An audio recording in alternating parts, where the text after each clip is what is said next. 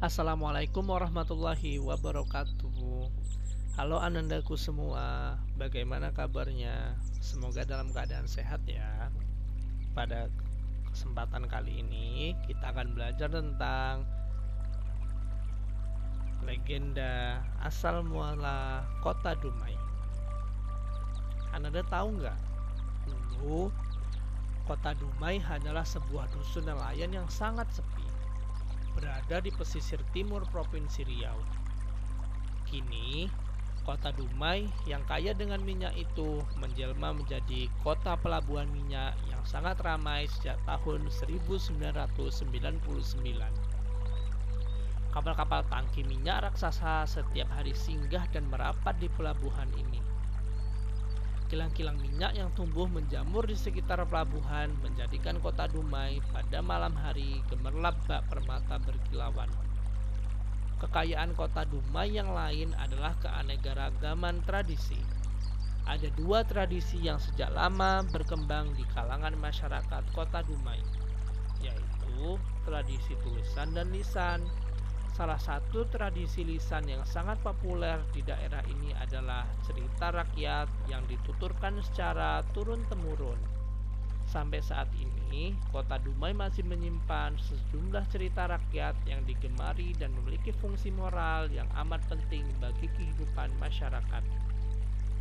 Misalnya sebagai alat pendidikan, pengajaran moral, hiburan, dan sebagainya. Salah satu cerita rakyat yang masih berkembang di Dumai adalah legenda Putri Tujuh. Cerita legenda ini mengisahkan tentang asal mula nama kota Dumai. Yuk, kita ke TKP. Konon, pada zaman dahulu, di daerah Dumai berdiri sebuah kerajaan bernama Seri Bunga Tanjung Kerajaan ini diperintah oleh seorang ratu yang bernama Cik Sima. Ratu ini memiliki tujuh orang putri yang elok dan rupawan yang dikenal dengan Putri Tujuh. Dari ketujuh putri tersebut, putri bungsulah yang paling cantik. Namanya Putri Mayang Sari. Putri Mayang Sari memiliki keindahan tubuh yang sangat mempesona kulitnya lembut bagai sutra, wajahnya elok berseri bagaikan bulan purnama, bibirnya merah bagai delima, alisnya bagai semut beriring, rambut yang panjang dan ikal terurai bagai mayang. Karena itu, sang putri juga dikenal dengan sebutan Mayang Mengurai. Pada suatu hari, ketujuh putri itu sedang duduk mandi di lubuk sarang Umay karena asyik berendam dan bersendau gurau, ketujuh putri itu tidak menyadari ada beberapa pasang mata yang sedang mengamati mereka.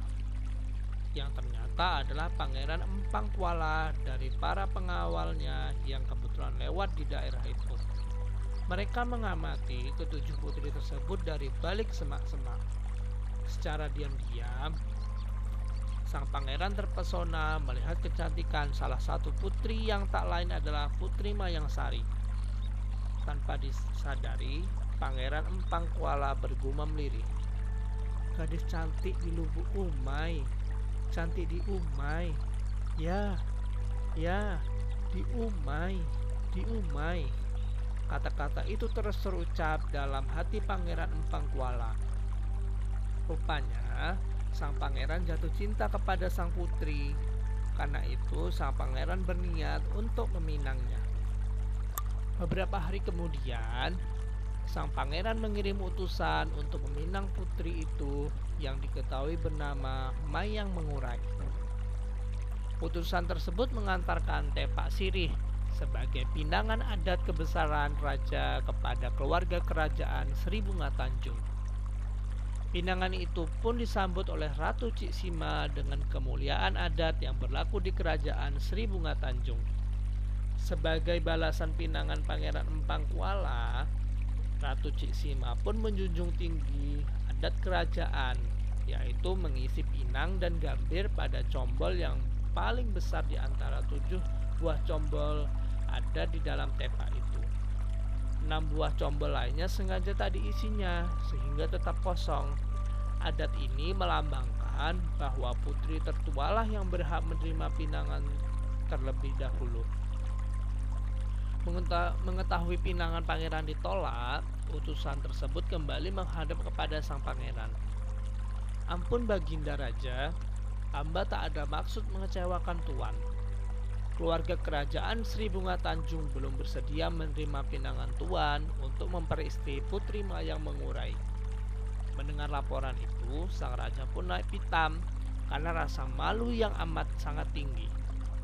Sang pangeran tak lagi peduli dengan adat yang berlaku di negeri Sri Bunga Tanjung Amarah yang menguasai hatinya tak lagi bisa dikendalikan lagi. Sang pangeran pun segera memerintahkan para panglima dan prajuritnya untuk menyerang kerajaan Sri Bunga Tanjung. Maka, pertempuran antara kedua kerajaan di pinggiran Selat Malaka itu tak dapat dielakkan lagi. Di tengah berkecamuknya perang tersebut, Ratu Cisima segera melarikan ketujuh putrinya ke dalam hutan dan menyembunyikan mereka di dalam sebuah lubang yang beratapkan tanah dan terlindung oleh pepohonan. Tak lupa pula, sang ratu membekali ketujuh putri putrinya dengan makanan yang cukup untuk tiga bulan. Setelah itu, sang ratu kembali ke kerajaan untuk mengadakan perlawanan terhadap pasukan Pangeran Empang Kuala. Sudah tiga bulan berlalu, namun pertempuran antara kedua kerajaan itu tak kunjung usai. Setelah memasuki bulan keempat, pasukan Ratu Cisima semakin terdesak dan tak berdaya. Akhirnya, negeri Sri Bunga Tanjung dihancurkan. Rakyatnya banyak yang tewas. Lihat negerinya hancur dan tak berdaya, Ratu Cisima segera meminta bantuan jin yang sedang bertapa di bukit hulu sungai Umai.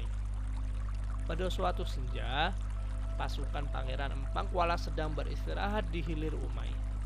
Mereka berlindung di bawah pohon-pohon bakau, namun menjelang malam terjadi peristiwa yang sangat mengerikan. Secara tiba-tiba, mereka tertimpa beribu-ribu buah bakau yang jatuh dan menusuk ke badan para pasukan Pangeran Empang Kuala. Tak sampai separuh malam, pasukan Pangeran Empang Kuala dapat dilumpuhkan pada saat pasukan kerajaan Empang Kuala tak berdaya, datanglah utusan Ratu Cisima menghadap Pangeran Empang Kuala. Melihat kedatangan utusan tersebut, sang pangeran yang masih duduk lemas menahan sakit langsung bertanya, "Hai orang Sri Bunga Tanjung, apa maksud kedatanganmu ini?" Sang utusan menjawab, hamba datang untuk menyampaikan pesan Ratu Cisima agar pangeran berkenan menghentikan perperangan ini. Perbuatan kita ini telah merusakkan bumi sakti rantau bertuah dan menodai pesisir Sri Bunga Tanjung. Siapa yang datang dengan niat buruk, malah petaka akan menimpa. Sebaliknya, siapa yang datang dengan niat baik ke negeri Sri Bunga Tanjung akan sejahteralah hidupnya, kata utusan Ratu Cisima menjelaskan. Mendengar penjelasan utusan Ratu Cisima, sadarlah Pangeran Empang Kuala bahwa dirinya yang memulai peperangan tersebut. Pangeran langsung memerintahkan pasukannya agar segera pulang ke negeri Empang Kuala. Keesokan harinya, Ratu Cisima segera bergegas mendatangi tempat persembunyian ketujuh putrinya di dalam hutan. Alangkah terkejutnya Ratu Cisima karena ketujuh putrinya sudah dalam keadaan tak bernyawa. Mereka mati karena haus dan lapar. Ternyata Ratu Cisima lupa kalau bekal yang disediakan hanya cukup untuk tiga bulan. Perang antara Ratu Cisima dengan Pangeran Empang Kuala berlangsung hingga empat bulan. Akhirnya, karena tak kuat menahan kesedihan atas kematian ketujuh putrinya, maka Ratu Cisima pun jatuh sakit dan tak lama kemudian meninggal dunia. Sampai kini, pengorbanan putri tujuh itu tetap dikenang dalam sebuah bait lirik. Umbut mari mayang diumbut. Mari diumbut di rumpun bulu. Jemput mari dayang dijemput. Mari dijemput turun bertujuh Ketujuhnya berkain serong. Ketujuhnya bersubang gading. Ketujuhnya bersanggul sendeng Ketujuhnya memakai pending Sejak peristiwa itu Masyarakat Dumai meyakini bahwa nama kota Dumai diambil dari kata diumai yang selalu diucapkan Pangeran Empang Kuala ketika melihat kecantikan Putri Mayang Sari atau Mayang Mengurai. Di Dumai juga bisa dijumpai situs bersejarah berupa pesanggerahan Putri Tujuh yang terletak di dalam kompleks kilang minyak PT Pertamina Dumai. Selain itu, ada beberapa nama tempat di kota Dumai yang diabadikan untuk mengenang peristiwa itu. Di antaranya, kilang minyak milik Pertamina Dumai diberi nama Putri Tujuh. Bukit Hulu Sungai Umai, tempat peratapan jin diberi nama Bukit Jin. Kemudian, lirik Tujuh Putri sampai sekarang dijadikan nyanyian pengiring tari pulai dan asik mayang bagi para tabib saat mengobati orang sakit. Terima kasih atas perhatian Andaku semua. Mohon maaf bila ada kesalahan. Wassalamualaikum warahmatullahi wabarakatuh. Assalamualaikum warahmatullahi wabarakatuh. Halo anandaku semua, bagaimana kabarnya hari ini? Semoga anandaku semua dalam keadaan sehat ya. Melalui podcast ini, Bapak akan bercerita mengenai cerita rakyat yaitu salah satu cerita rakyat dari Sumatera yaitu asal mula terbentuknya Danau Toba. Anda tahu nggak Danau Toba itu di mana? Ya, Danau Toba itu berada di Sumatera Utara. Danau Toba merupakan danau terbesar yang ada di Indonesia. Yuk kita telusuri ceritanya. Pada zaman dahulu, di suatu desa di Sumatera Utara, hiduplah seorang petani bernama Toba yang menyendiri di sebuah lembah yang landai dan subur. Petani itu mengerjakan lahan pertaniannya untuk keperluan hidupnya. Selain mengerjakan ladangnya, kadang-kadang lelaki itu pergi memancing ke sungai yang berada tak jauh dari rumahnya. Setiap kali dia memancing, Mudah saja ikan didapatnya karena di sungai yang jernih itu memang banyak sekali ikan. Ikan hasil pancingannya dia masak untuk dimakan. Pada suatu sore, setelah pulang dari ladang, lelaki itu langsung pergi ke sungai untuk memancing. Tetapi sudah cukup lama ia memancing tak seekor ikan pun didapatnya. Kejadian yang seperti itu tidak pernah dialami sebelumnya. Sebab Biasanya, ikan di sungai itu mudah saja dia pancing. Karena sudah terlalu lama tak ada yang memakan umpan pancingnya, dia jadi kesal dan memutuskan untuk berhenti saja memancing. Akan tetapi, ketika dia hendak menarik pancingnya, tiba-tiba pancing itu disambar ikan yang langsung menarik pancing itu jauh ke tengah sungai. Hatinya yang tadi sudah kesal berubah menjadi gembira karena dia tahu bahwa ikan yang menyambar pancingannya itu adalah ikan yang sangat besar. Setelah beberapa lama dibiarkan pancingnya ditarik ke sana kemari, barulah pancing itu disentakkannya dan tampaklah seekor ikan besar tergantung dan menggelepar-gelepar di ujung tali pancingnya. Dengan cepat ikan itu ditarik ke darat supaya tidak lepas. Sambil tersenyum gembira, mata pancingnya dia lepas dari mulut ikan itu. Pada saat dia sedang melepaskan mata pancing itu, ikan tersebut memandangnya dengan penuh arti. Kemudian, setelah ikan itu diletakkannya ke suatu tempat ke dalam sungai untuk mandi. Perasaan gembira sekali karena belum pernah dia mendapatkan ikan sebesar itu. Dia tersenyum sambil membayangkan betapa enaknya nanti daging ikan itu kalau sudah dipanggang. Ketika meninggalkan sungai untuk pulang ke rumahnya, hari sudah mulai senja. Setiba di rumah, lelaki itu langsung membawa ikan besar hasil pancingannya itu ke dapur. Ketika dia hendak menyalakan api untuk memanggang ikan itu, ternyata kayu besar di dapur rumahnya sudah habis. Dia segera keluar untuk mengambil kayu bakar dari bawah kolong rumahnya. Kemudian, sambil membawa beberapa potong kayu bakar, dia naik kembali ke atas rumah dan langsung menuju dapur. Pada saat lelaki itu tiba di dapur, dia sangat terkejut karena ikan besar itu sudah tidak ada lagi. Tapi di tempat ikan itu tadi diletakkan tampak terhampar beberapa keping uang emas. Karena terkejut dan heran mengalami keadaan yang aneh itu, dia meninggalkan dapur dan masuk ke kamar. Ketika lelaki itu membuka pintu kamar, tiba-tiba darahnya tersiram karena di dalam kamar itu berdiri seorang perempuan dengan rambut yang panjang terurai. Perempuan itu sedang menyisir rambutnya sambil berdiri menghadap cermin yang tergabung pada dinding kamar. Sesaat kemudian, perempuan itu tiba-tiba membalikkan badannya dan memandang lelaki itu yang tegak kebingungan di mulut pintu kamar. Lelaki itu menjadi sangat terpesona karena wajah perempuan yang berdiri di hadapannya luar biasa cantiknya. Dia belum pernah melihat wanita secantik itu, meskipun dahulu dia sudah jauh mengembara ke berbagai negeri. Karena hari sudah malam, perempuan itu minta agar lampu dinyalakan. Setelah lelaki itu menyalakan lampu, di, dia ajak perempuan itu menemaninya ke dapur karena dia hendak memasak nasi untuk mereka. Sambil menunggu nasi masak, diceritakan oleh perempuan itu bahwa dia adalah penjelmaan dari ikan besar yang tadi didapat lelaki itu ketika memancing di sungai. Kemudian dijelaskannya pula bahwa beberapa keping uang emas itu adalah penjelmaan sisinya. Setelah beberapa minggu perempuan itu menyatakan bersedia menerima lamaran dengan syarat lelaki itu harus bersumpah bahwa seumur hidupnya dia tidak akan pernah mengungkit asal usul istrinya yang menjelma dari ikan.